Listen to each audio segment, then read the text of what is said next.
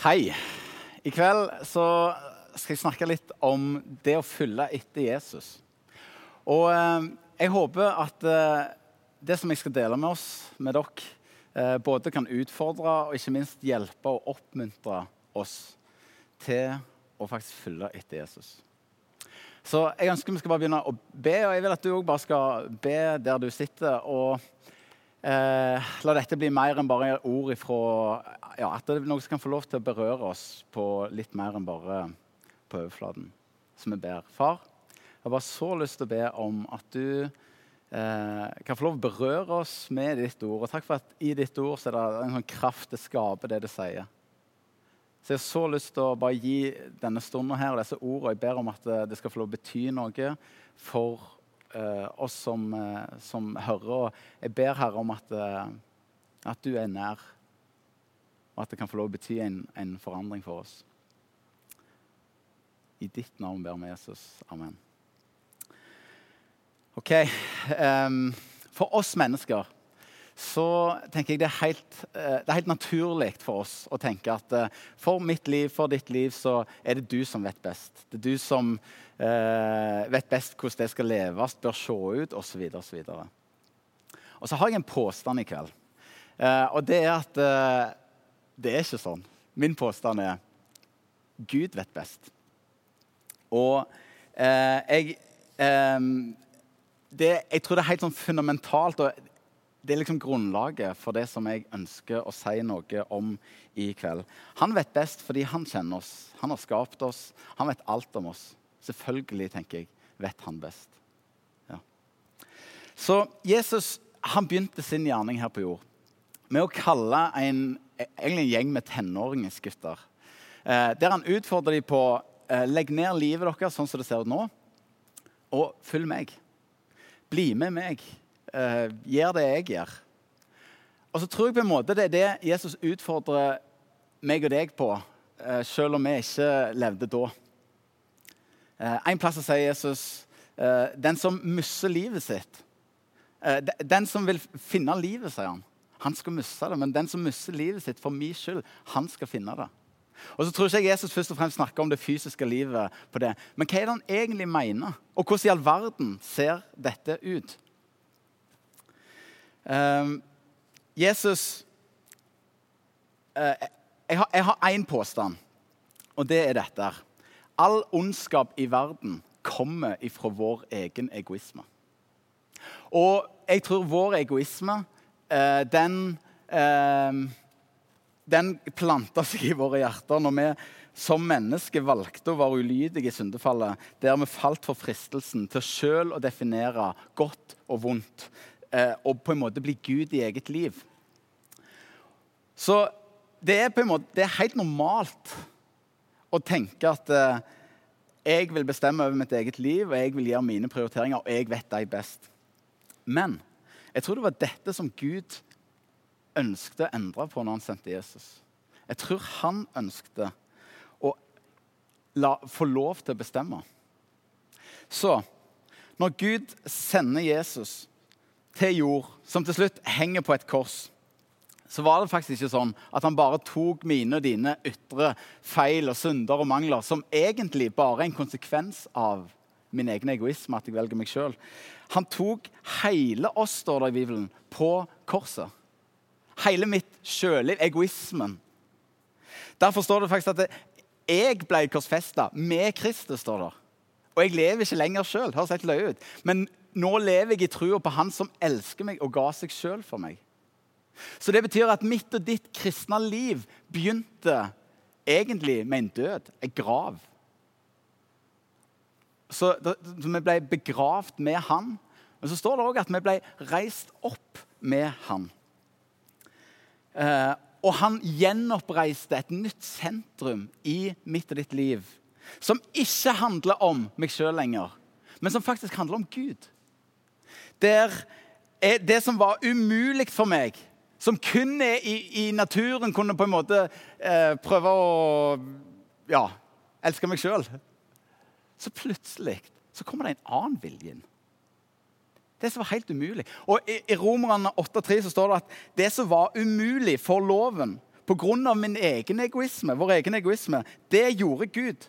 Når han sendte sin sønn, som tok vår straff, som, som et menneske som oss, holdt han dom over synda i oss. Det som var umulig. Gud har gjort det. Det er helt fantastisk. Så liksom Plutselig så har jeg fått en ny vilje inni meg. Som egentlig kanskje altså, Akkurat som man lever litt sånn i krig med min egen egoisme. For den er jeg ikke blitt kvitt ennå. Så, eh, og det handler om at Gud har på en måte flytta på innsida. Hans ånd kom inni oss. Og jeg har lyst til å si det da, at når, en opplever for det tror jeg det er flere enn meg som opplever, at det er en sånn, akkurat som en sånn krig imellom min egen lyst og denne her nye viljen. Krig mot synd. Så det, si, det er et bra tegn. Så bra. Det, det, vil være normalt for en som har fått Guds ånd. Så eh, Alt dette skjedde. Og det skjedde fordi at det skulle bli mulig for meg og deg å begynne å følge han, kjenne han og komme inn der Gud er. Så alt dette som vi snakker om, tro på Gud, være en kristen disippel Vi bruker ulike begreper egentlig for det samme. Det handler om at meg sjøl var ikke viktig lenger. Det var ikke viktigst. Nå var det Gud som var viktigst, og andre mennesker. Å følge etter Jesus. Så sjøl om vi mange ganger gjør dette med å tro og være kristen og, som, som om det handler om oss, våre tanker om Gud eller vår tro, så er på en måte det litt sånn feil fokus, for det er ikke det det handler om. Det handler om å følge etter Jesus.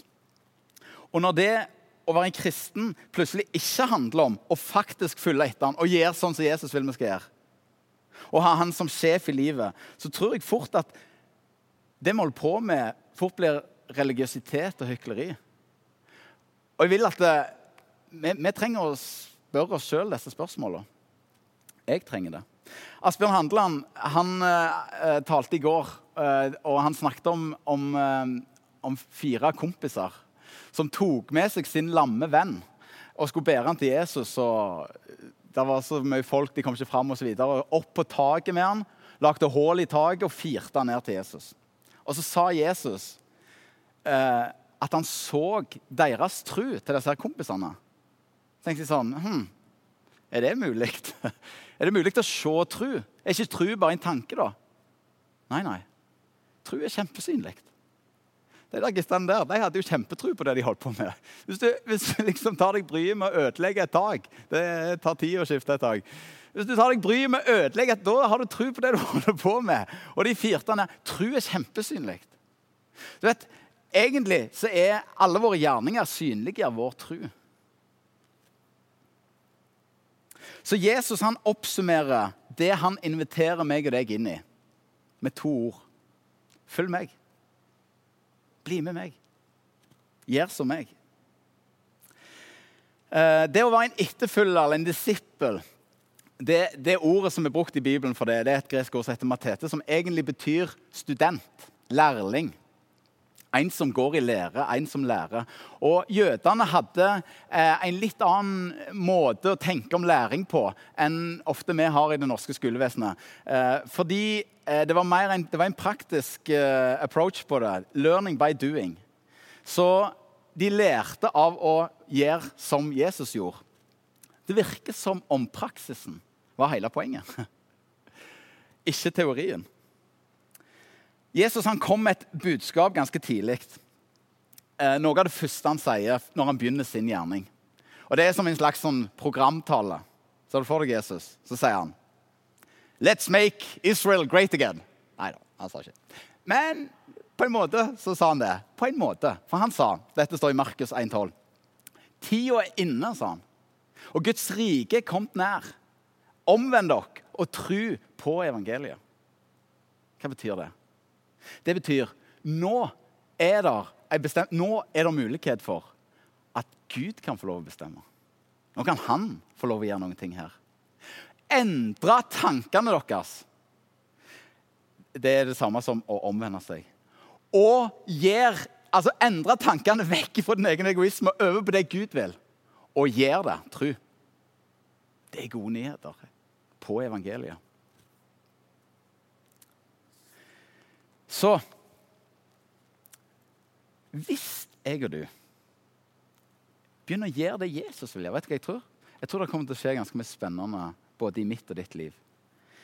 Uh, og jeg tror omgivelsene mine og dine de kommer til å merke det. Og jeg tror faktisk de kommer til å endre seg, omgivelsene. Hva mener jeg med det? Og hvorfor tror jeg det? Fordi Jesus er sterkere enn mørket. Jesus vant over døden. Derfor tror jeg vår fiende djevelen er livredde for at vi faktisk praktisk skal følge etter og la hans godhet få lov å skje rundt oss.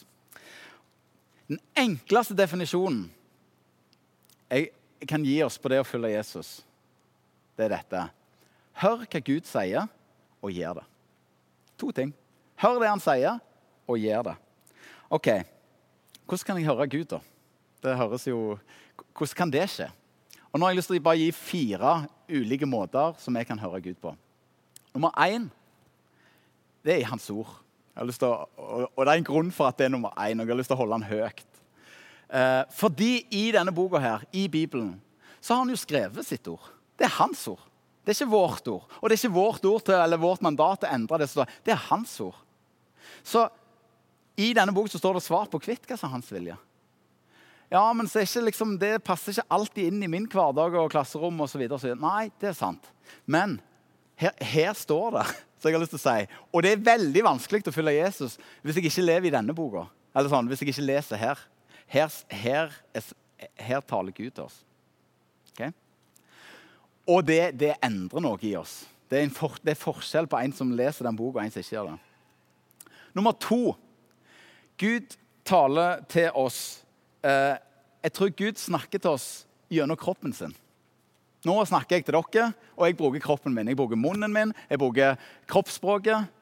Eh, og så tror jeg Gud taler òg til oss gjennom kroppen sin. Og han sier at kroppen min det er kirka mi. Eller fellesskapet, de kristne. Andre kristne.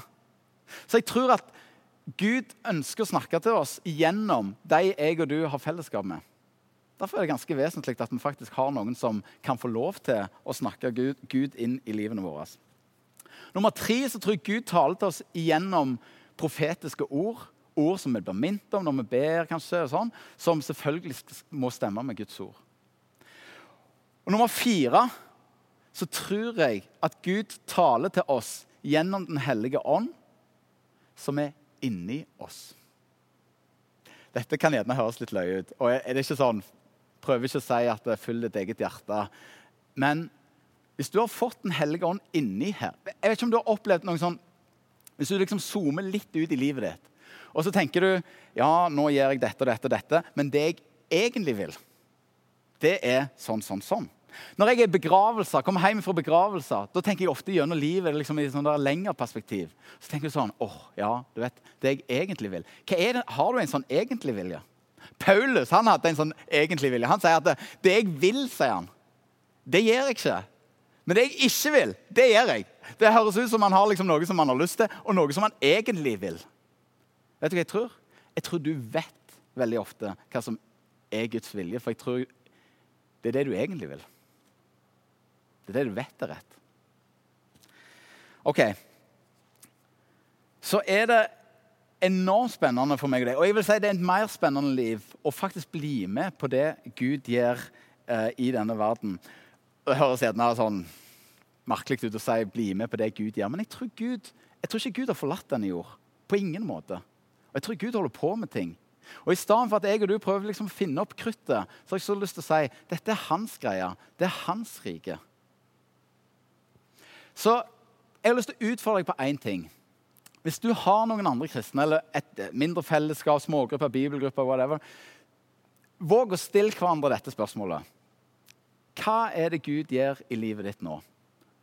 Og responder på det. Dette tror jeg er på en måte, Nå prøver jeg å koke det ned til den enkleste form for hvordan det ser ut å følge Jesus.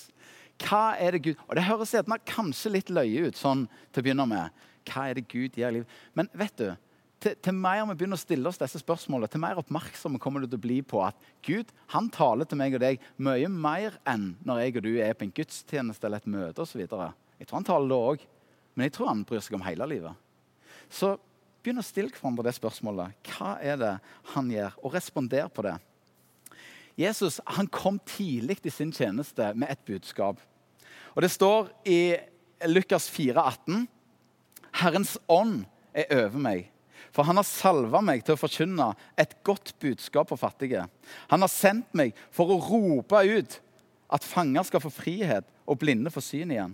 For å sette undertrykte fri og rope ut et nådens år for Herren. Her står det 'rope' to ganger. Det høres ut som dette er viktig for Jesus. Han må rope det ut. Jeg har bare så lyst til å si, for jeg ble, når, jeg, når jeg leste disse ordene her, tenkte jeg det som minnet om det er så Vi lever i en ganske nådeløs verden. Og Akkurat som jeg så for meg Jesus sto liksom og ropte til oss. Det er nåde som gjelder nå. Og hvorfor i all verden dømmer jeg og du oss sjøl så nådeløst når han egentlig har, har, snudd om på dette? Dette er et nådens rike. Det er et rike der vi får ufortjent. Og så er det bare, han, han snakker om en frihet her som han ønsker å gi til oss. Og denne her virkelige friheten handler om at jeg og du skal få lov til å faktisk gå hans vei. Hans vei er frihet for oss. Å vende oss vekk ifra det som er galt. Og faktisk gjøre etter det som han ønsker. Ikke bare konstatere at ja, jeg ble tilgitt. For det er helt fantastisk. Og det muliggjør, når jeg blir tilgitt og det blir oppgjort, så muliggjør det at jeg faktisk kan vende meg vekk og gjøre det som er rett, ikke det som er galt. Egoismen som fører til synd, den binder oss fast. Den ønsker å kneble oss og ødelegge oss nå og evig. Men Gud kom med frihet. Jeg prøver å gi et lite eksempel på dette. Jeg, jobber som prosjektleder i eh, bygg- og anleggsbransjen. Og så hadde jeg en entreprenør som uh, hadde gjort noen tilleggsarbeider på et prosjekt. Så var vi litt uenige om kostnadene. Så vi satte oss ned og skulle diskutere dette, her, og så ble det litt sånn oppheta diskusjon. og litt frem og tilbake. Så, ja. Og så ble jeg litt sånn varm i toppen. Og så sa jeg høyt det som jeg tenkte. Så sa jeg du, din kjeltring, du, jeg tror du prøver å lure meg. Og idet jeg sa det, så hørte jeg at oi, sånn sier du bare ikke til folk. Det, ikke, det, her, det var ikke rett. Jeg kom med en anklage som bare og sa ting om han. Gikk vi derifra, dårlig stemning. Uh, og, så, og, så, begynte det å jobbe i samvittigheten min. Og jeg, jeg, tror det var Gud som prøvde å si Kristian, det der var ikke greit. Sånn snakker vi ikke til folk. Og så er det sånn ja, Så fikk jeg hjelp av noen som, uh, som jeg har fellesskap med. Og så måtte jeg ringe han her. Jeg ikke måtte, jeg ville. Jeg gjorde det helt frivillig. Vet du, jeg, jeg, ringte han her karen og så sa jeg, du, det som vi snakket om i går um, Det var ikke rett jeg sa om deg. Jeg har ingen grunn til å anklage deg for å være en kjeltring. Kan du tilgi meg?